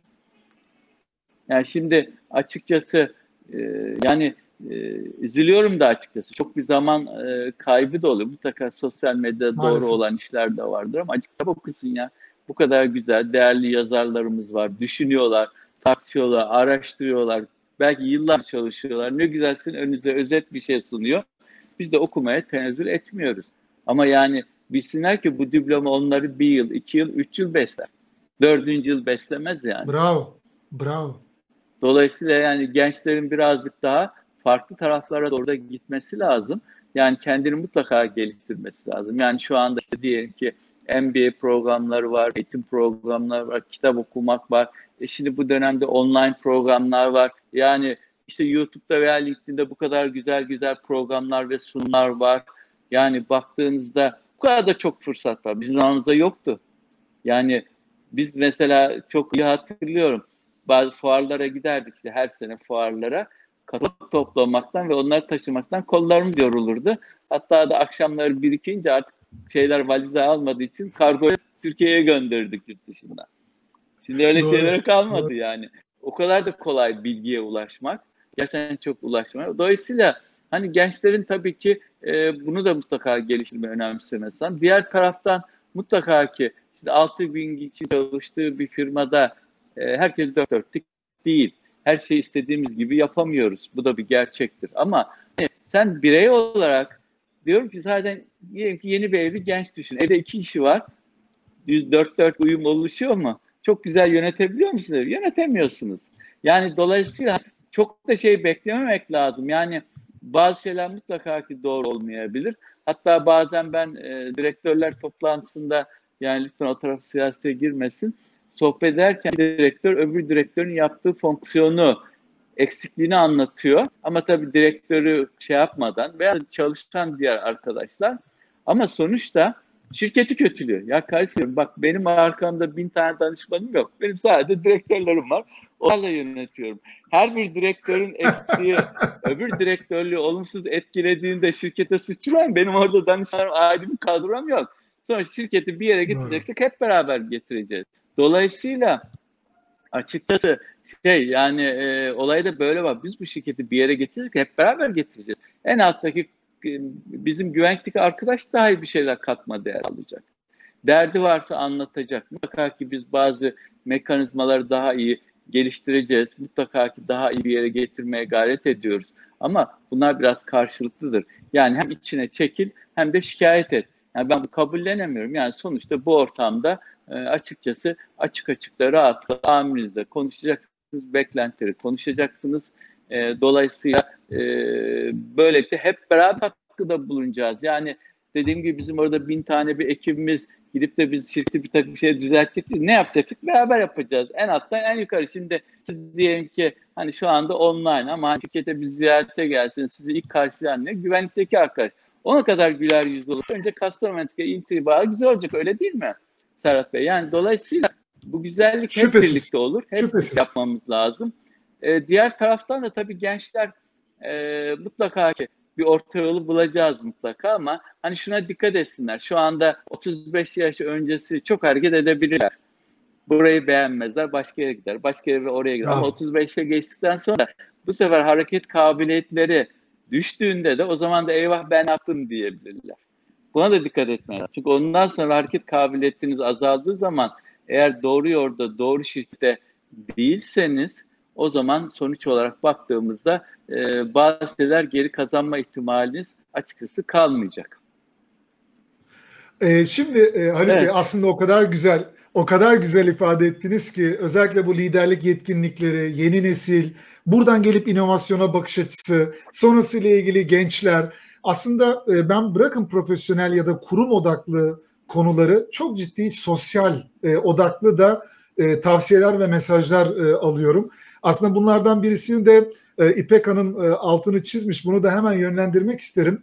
Kastamonu Entegre sosyal sorumluluk e, konularında neler yapıyor? Açıkçası o kadar böyle güzel yorumlar var ki sizin üslubunuz ve liderlik e, iletişim şeklinizle ilgili e, birbirinden farklı o kadar çok dostumuz e, sanki Hulusi Kentmen konuşuyor şu an ekranda diye.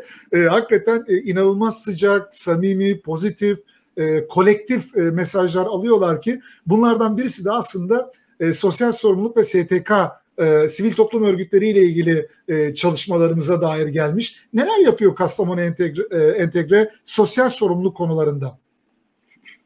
Şimdi tabii aslında şöyle bir şey var. E, hepimizin hem bireysel olarak hem şirket olarak ülkemize, ülkemizdeki kurumlara e, mutlaka destek olmamız gerekiyor. Aslında tabii şu var. Eskiden gönüllülük e, esaslıydı bunlar. E, sonuçta hem Kastamonu entegre olarak hem hayat kimi olarak yıllardır işte öğrencilere burslar verilmiş, e, devam da ediyor bunlar aslında. Bunlar aslında eskiden birazcık daha hani çok fazla e, eski usulle çok fazla beyan edilmezdi. Sonra da dediler ki ya örnek olsun değil artık bunu e, daha çok e, göz önüne serelim diye. Aslında sosyal sorumluluk projesi biraz da şirketleri buna zorlamak için bana göre doğru bir şey e, zorlamak için ortaya konmuş. Çünkü eskiden gönüllülük vardı. O gönüllülük içinde yapan yapıyordu, yapmayan da yapmıyordu. E şimdi aslında e, firmalar da böylelikle birazcık yapmayanları zorlamak için. Hatta yani evet. inancımızda bile eskiden derlerdi ki ya zekatta hayır sanatları gizli yapın diye. Şimdi artık onlar diyor açık yapın da herkese örnek olsun diyor. Çünkü yapan o kadar azaldı diyorlar. Doğru. Ee, özendirici olsun. aslında özendirici olsun. Şimdi sosyal sorumluluk da aslında gerçekten bu sorumluluğu almayan firmaları birazcık zorlamak için yapıyor. Ama custom ve hayat kimya aslında bizim geçmişten gerçekten e, genelde yönetim kurulu başkanımız gizli yapmayı çok sever. O yüzden o tarafa çok fazla girmiyorum. Ama bunun haricinde bizim kendi işlerimizle ilgili çok yaptığımız işler var. Yani mesela şu anda Türkiye için orman çok önemli diyoruz değil mi? Ormancılık şeyi. Hatta diyoruz ki ya Türkiye'deki plantası ormancılığı çok önemli diyoruz. Ya biz 20 yıldır işte şu anda işte Tekfen Holding ile birlikte e, Enat diye plantasyon ormancılığı geliştirme gibi proje ürettik. Yani buna milyonlarca TL harcadık. Ticari hiçbir fayda olarak düşünerek yapmadık. Daha de yok zaten. Ama önemli Çok olan yaşam. Türkiye için örnek bir proje olsun. Köyleri kalkındıralım. E, dolayısıyla bunlara hani e, faydalar sağlayalım. Ülkede de aslında bu projelerin yapılabileceğini bir yerde Orman Bakanlığı da gösterelim. Diğer firmalara da örnek olsun diye. Aslında Türkiye için önemli konulardan biri gerçekten orman ve bu sürdürülebilir olarak. Dolayısıyla bu konuda gerçekten dediğim gibi 20 yıldır e, bayağı bir e, finansal olarak da destek veriyor. Sağ olsun Tekfen birinci büyük ortağı, biz de ikinci büyük ortağız. Beraber o yükleri taşıyıp bir yere kadar getiriyoruz. Dediğim gibi bunun haricinde çok şey var ama ben onları özellikle yönetim baş, kurulu başkanımız çok sevmiyor. O yine yani o onun geleneği tabii 60 yıllık gelenek. O gelenekte ben çok fazla şey yapmak istemem. Mutlaka ki devletin okullar vesaire bir takım yerlerde öğrenci bursu vesaire o konuda açıkçası e, çok yardımcı olmaya gayret ediyoruz. Özellikle öğrenci bursları bizim için üniversiteye giden öğrenciler çok önemli. E, dolayısıyla orada birinci önceliğimiz yıllardır bu aslında o şekilde devam ediyor. Tabii kurum içinde de e, bir takım sosyal projelerimiz var. Aslında bunlar da şirket olarak destek bekliyoruz. Hani biraz önce dedim her şeyi benden bekleyecek durum yok. Arkadaşlar proje üretecek. Biz de onlara e, maddi olarak veya da e, destek ihtiyaçları neyse onları vereceğiz. Arkadaşlar da gerçekten çok güzel e, projeler üretiyorlar. Hatta bir takım aktiviteler de yapıyorlar aslında. E, çok güzel şeyler oluyor ama tabii ki e, her zaman daha güzelleştirmek en büyük bir hedefimiz. Fakat dediğim gibi birazcık yönetim kurulu başkanımızın genel düşüncesi e, bunları henüz e, kendi içinde tutmayı seviyor. Ben de o yüzden çok açıklamıyorum. Çok teşekkür ederiz. E, aslına bakarsanız e, en önemli Türkiye'nin de biraz önce aslında çok da güzel bir açılım e, yaptınız.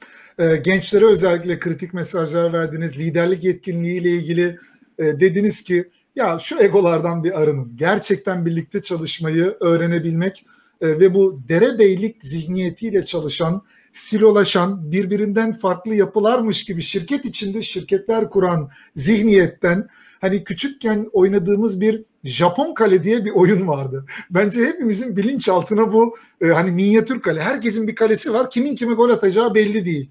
Kim buldu bu oyunu bilmiyorum ama bizi çok zora soktu bu Japon kale kafası. Herkes kendi küçük kalesini korumaya çalışıyor ve herkes birbirine çaktırmadan fake atarak e, gol atma çabasında. E, biraz bundan arınmak, kurtulmak lazım.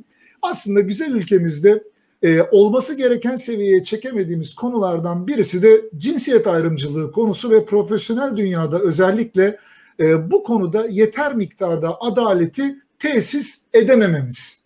E, ben buna çok da katılıyorum. Sosyal sorumluluk ya da sosyal medya nerede bakarsak bakalım. Hani küçüklükten itibaren hani erkek çocuklarına kral, paşam gel buraya falan diğerine prenses, Hani böyle oyuncak bebek yani diğerine böyle çekiç falan filan alıyorsun. Öbürüne oyuncak bebek alıyorsun. E ondan sonra da tabii ben bugün gördüğümde arkadaşlarımı, kardeşlerimi bundan çok e, mutlu oluyorum. E, çünkü onlar diyorlar ki ben büyüyünce babamın prensesi değil makine mühendisi olmak istiyorum diye tişört giydiriyorlar ve buna e, bayılıyorum.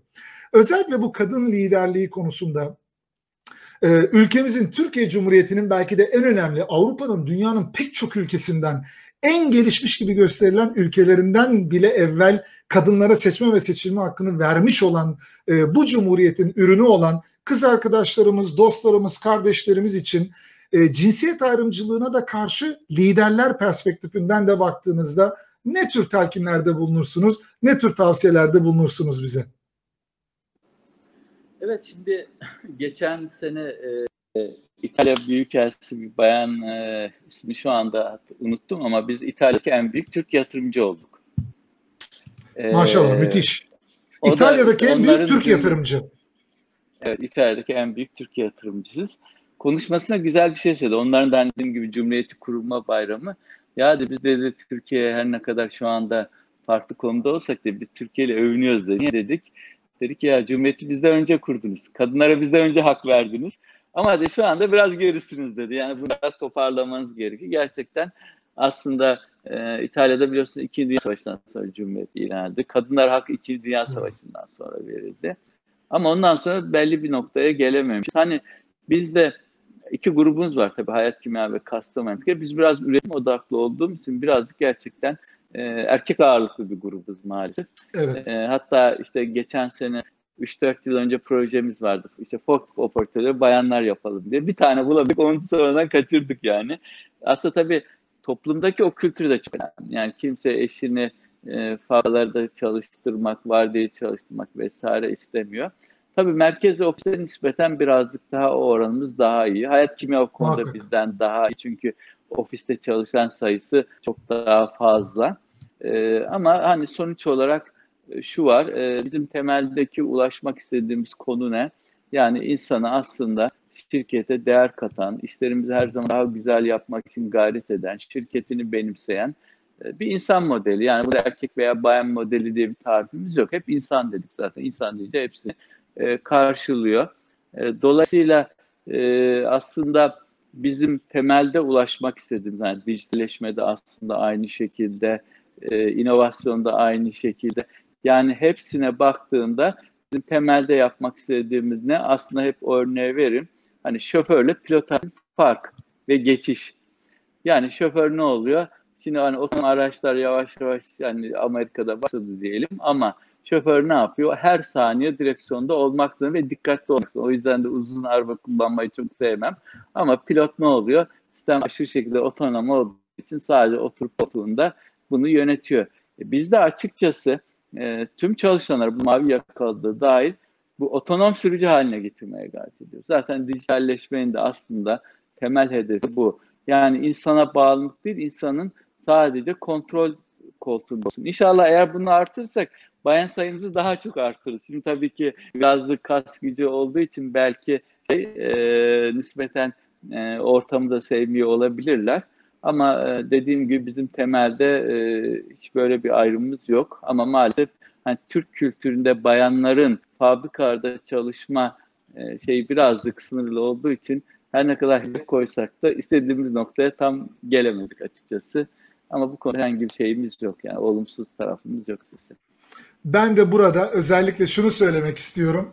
Ee, bazen böyle gerçekler oluyor. Benim de e, kendi danışmanlık projelerim itibariyle kendi sektörel dikeyinin en kıymetli şirketleriyle uzun yıllardır çalışıyorum.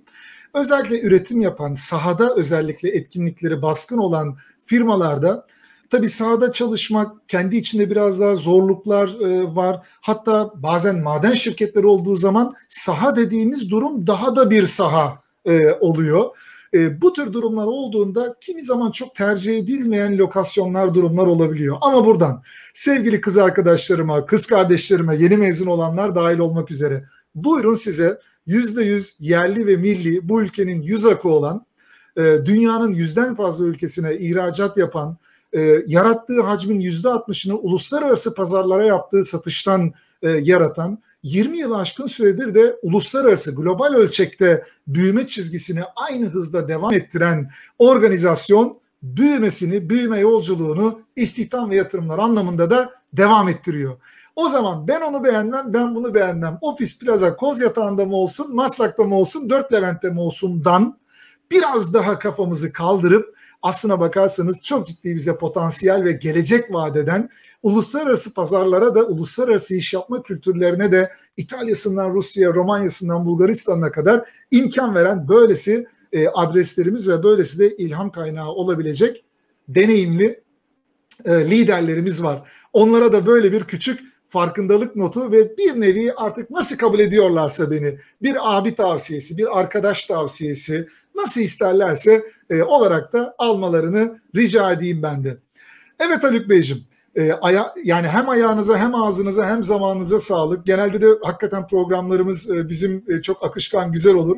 E, ben de müthiş derecede keyif aldığım su gibi akan programlardan e, birini modere ettim. İtiraf etmem lazım. Siz konuşmaya başladığınızda yani uzunca bir süre hiçbir şey demeden sadece böyle hipnotize olmuş gibi insan dinleyebiliyor. Çünkü çok e, hakikaten ılık bir tonda çok kritik mesajları e, veriyorsunuz. E, dolayısıyla ben de bu anlamda e, müteşekkirim. E, son sözü bu noktada e, size e, vermeden akabinde ben de zaten programı e, sonlandıracağım ama bir yaşadığım hikayeyi Haluk Bey ile ilgili olarak bizi izleyenlere aktarayım. Sonra da son sözü müsaadenizle e, bırakayım. E, Kastamonu Entegre ile yaptığımız bir e, programda, e, dijital bir programda onun içinde Haluk Bey bir yerde küçük bir not istedi, bir söz istedi ve dedi ki ekip arkadaşlarına dönük olarak ben dedi kendimi işimde hani en yetersiz gibi hissettiğim, en iyi hissetmediğim anlar sizlerin bana gelmek durumunda kaldığınız anlar oluyor dedi. Düşünebiliyor musunuz? Yaklaşık 30 yıla yakındır o şirkette olan, bu kadar uzun yıllardır da CEO'su olan bir kişi kendisine gelinip sorulduğu zaman bir danışılan, ombudsman olmaktan övüneceğine bilakis, bilakis biraz önce altını çizdiği gibi otonom yetkinliklerle sanki ben de orada yokmuşumcasına o kararları alarak yürüyebiliyor musunuz? Diyebiliyor musunuz? Onlara bu özelliği, çalışma alanını, nefes alma alanını bırakabiliyor musunuz? Biraz da buna kafa yormak lazım. Kendini süper kahraman zanneden dönemin organizasyonel liderlerine de selam olsun buradan. Bu hikayeyi de buradan e, paylaşmak istedim. Benim açımdan iyi ki varsınız e, Haluk Bey e, diyorum. Müsaadenizle tekrar son sözü size bırakmak isterim e, mesajlarınız itibariyle. Evet, ben de çok hoş, güzel bir sohbet oldu. Aslında bugüne kadar olan sohbetler daha çok hep iş odaklıydı. Yaptıklarımız, yatırımlar vesaire. Bu benim için gerçekten ilk tecrübe oldu. Umarım da faydalı olmuştur. Ama ben her Şüphesiz. Zaman, e, ben her zaman şunu söylüyorum. Tüm bireyler e, hem kendini, hem ailesini, hem şirketini, hem ülkesini düşünmek zorunda. Dolayısıyla bir şeyler yanlış gidiyorsa onu düzeltme gayret etmek zorunda. E, artık kurumlar bir patronun gelir kaynağı gibi düşünmüyorsanız bu kurumlar artık bir vakıf gibi olmuş. Bu ülkenin bir değeridir. Bunu bilerek sahiplenmesi lazım. Hani diğer taraftan da hani her zaman e, bir şirketin genel müdür CEO'su aslında en tepededir. Ben arkadaşlar sık sık aynı şeyi söyleyeyim. Beni ne kadar aşağı güncel konular çekerseniz custom de aşağı doğru iner. Dolayısıyla sizin custom entegrenin daha uzağa gitmesini, daha güzel hedeflere doğru gitmesini istiyorsanız beni yukarı doğru itin ki biz daha uzaklara gidelim diye. O yüzden de benim açıkçası nacizane en son söyleyeceğim artık kurumlara bu gözle baksın herkes sahiplensin. E, diğer tarafta da bizim görevimiz sizlerin problemleri çözmek değil, şirketi farklı ufuklara doğru götürmek. İnşallah o konuda da bana yeteri zaman vereceksiniz ki biz de oralara doğru gideceğiz. Ben de çok Serhat Bey çok teşekkür ederiz. Ee, yani gerçekten dediğim gibi daha önceki görüşmeler daha çok hep üretimdi. Nerede yatırım yaptık, cirolar ne oldu, pazar paylarımız ne oldu filan.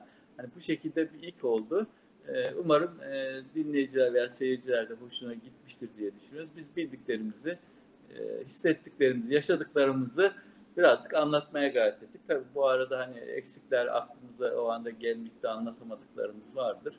E, ama genel anlamda da hoş sohbet oldu diye düşünüyorum. Haluk Beyciğim eksik olmayın. Buradan dostlara ki şu an itibariyle hala YouTube'da yüze yakın canlı e, takipçimiz e, var. Hani LinkedIn tarafı zaten her zaman e, hani yüksektir ama e, ben Haluk Bey'i tanıdığım andan itibaren aklımdaki ilk konulardan birisi e, mümkün olan en kısa sürede kendisinin de takvimini, ajandasını denk getirmek suretiyle bu anlamda sizlerle e, bir araya getirmekti. E, çünkü öğrenilecek, esinlenecek, e, ilham alınacak e, çok farklı ve özellikli yönleri olduğunu görüyorum. aslına bakarsanız da bizim Yeşilçam filmlerini yad ederek Hulusi Kentmen benzetmesi bu anlamda yapmak da hani o fabrikatör babacan rolü vardır ya Hulusi Kentmen'in hepimize de çok doğru bir metaforik teşbih olduğunu, benzetme olduğunu düşünüyorum. Bundan dolayı da çok mutluyum. Haluk Bey iyi ki varsınız. İyi ki bu ilham veren yolculuğa liderlik ediyorsunuz. Sizden biraz önce sizden duyduklarımızla birlikte artık Kastamonu entegre olarak beklentimizde daha yüksek. E, bu anlamda bu heyecan verici yolculuğa tam gaz e, devam. Biz de elimizden geldiğince e, süreçte her nasıl yapabiliyorsak destek olmaya büyük bir keyifle ve memnuniyetle devam edeceğiz. Kalın sağlıcakla bir sonraki toplantınıza sizi gönderelim. Kıymetli vaktiniz için de bir kez daha sizlere çok çok e, teşekkür ediyorum. Burada da bizi izleyen dostlarımız da e, bu yayından Haluk Bey'in e, sohbetinden de memnun kaldılarsa tam da Haluk Bey'in yayından ayrıldığı bu dönemde yorumlarını kendisine iletmek suretiyle burada yazarlarsa isterim ki Haluk Bey de canlı canlı bu yorumlarınızı da yayının arkasından da olsa görebilsin. Haluk Bey çok teşekkür ediyorum. Eksik olmayın. İyi ki varsınız. Çok teşekkür ederiz güzel sohbet için. Görüşmek üzere tekrar diyelim. Bir mukabele. Çok teşekkür ediyorum. Sağ olun. Çok mersi Haluk Beyciğim. Evet dostlar. Gördüğünüz gibi e, aslına bakarsanız e, Haluk Bey e, özel bir adam. Özel bir yönetici, özel bir lider, özel bir insan. Umarım, dilerim kendisini tanıdığım andan itibaren bende oluşan hissiyat sizde de oluşmuştur. Yönlendirmek için söylemiyorum ama siz benim ne kadar etkilendiğimi bu anlamda gayet e, iyi biliyorsunuz. E, bu ülkede Boğaziçi e, Üniversitesi'nden mühendislik diploması alıp ben bu diplomanın üzerine ne kadar yaslanabilirdim ki? Bir yıl, iki yıl, bilemedin üç, beş yıl olsun deyip sürekli kitap okuma telkininde bulunan ve bu kadar çok okuyan bir kişiye benim doğduğum yıl üniversiteye başlamış olan Haluk Bey'e karşı ben kendimi mahcup hissediyorum. Acaba yaptığımız işlerin üzerine çok mu fazla yaslanıyoruz diye. Sevgili gençler umarım ve dilerim Haluk abinizden de almanız gereken mesajları almışsınızdır. Ben kendi adıma eğer kabul ederse bir kardeşi olarak Serhat Tatlı olarak bu mesajı, bu öğretiyi, bu kulağa küpe edilecek tavsiyeyi alıyorum. Umarım ve dilerim e, sizler de bu noktada kendisinin sohbetinden faydalanmışsınızdır. Dedikten sonra sizin de sabrettiniz, eksik olmayın. Çok teşekkür ederim. Bizleri dinlediniz. Değişim Doktoru ile 12'den programına zaten her daim çok katkı veriyorsunuz. Eğer bu program e, sizin açınızdan bir fayda, bir değer yaratmışsa daha fazla arkadaşımızın, dostumuzun da duymasına yardımcı olmak isterseniz yorumlarınızla burada katkıda bulunabilirsiniz. Ya da yayından sonra paylaşımlarınızla, beğenilerinizle, yorumlarınızla da dediğim gibi daha fazla sayıda dostumuza da ulaşmasına yardımcı olabilirsiniz. E, bunun için zaten yapıyoruz. Maddi olarak başka türlü bir e, gelir kalemi olsun diye yaptığımızda bu anlamda bir e, iş değil. Umarım ve dilerim sizler açısından bu anlamda faydalı olmuştur dostlar. Özellikle e, bana bu konuda hakikaten çok sayıda mesaj gönderiyorsunuz. İlginiz için de ayrıca teşekkür ederim. Tümüyle kişisel mesaimden e, dolayı özellikle e, bundan 3-4 hafta öncesine kadar yaptığım sıklığa göre Değişim Doktoru ile 12'den programını biraz daha seyrek yapmak durumunda kaldım. E, şimdi burada sizin zamanınızı almak istemem ama bir başka e, paylaşımda bununla ilgili olarak size bazı böyle minik minik veriler paylaştığımda e, inanın e, Serhat'ın da haftası 7 gün bir günü de 24 saat mi acaba diye kafanıza soru işaretleri e, gelecek. Elimden geldiğince benim için de son derece kıymetli olacağına inandığım sohbetleri sizlerle buluşturmaya ben de çok hevesliyim. Bundan emin olabilirsiniz. Zamanım, emeğim, gücüm ne kadar yetebiliyorsa o kadar yapabiliyorum ama özellikle bunun da altını çizmek isterim. Anlayışınız için de ayrıca teşekkür ederim. Bu canlı yayının tamamını bir sebeple bir şekilde izleyememiş, kaçırmış olan dostlarımız da hem bu sohbeti hem de diğer sohbetleri pek tabii e, YouTube'daki Doktor Serhat Tatlı e, kanalından, YouTube kanalından her zaman izleyebilirler. Abone olurlarsa da oraya beni tabii ki daha da ziyadesiyle mutlu ederler. Bir sonraki e, sohbette, bir sonraki Değişim Doktoru ile 12'den programında görüşmek üzere dostlar. Sevgiyle, sağlıcakla ve önce sağlıklı. Siz dahil, sevdikleriniz dahil olmak üzere. Görüşmek üzere. Bay bay.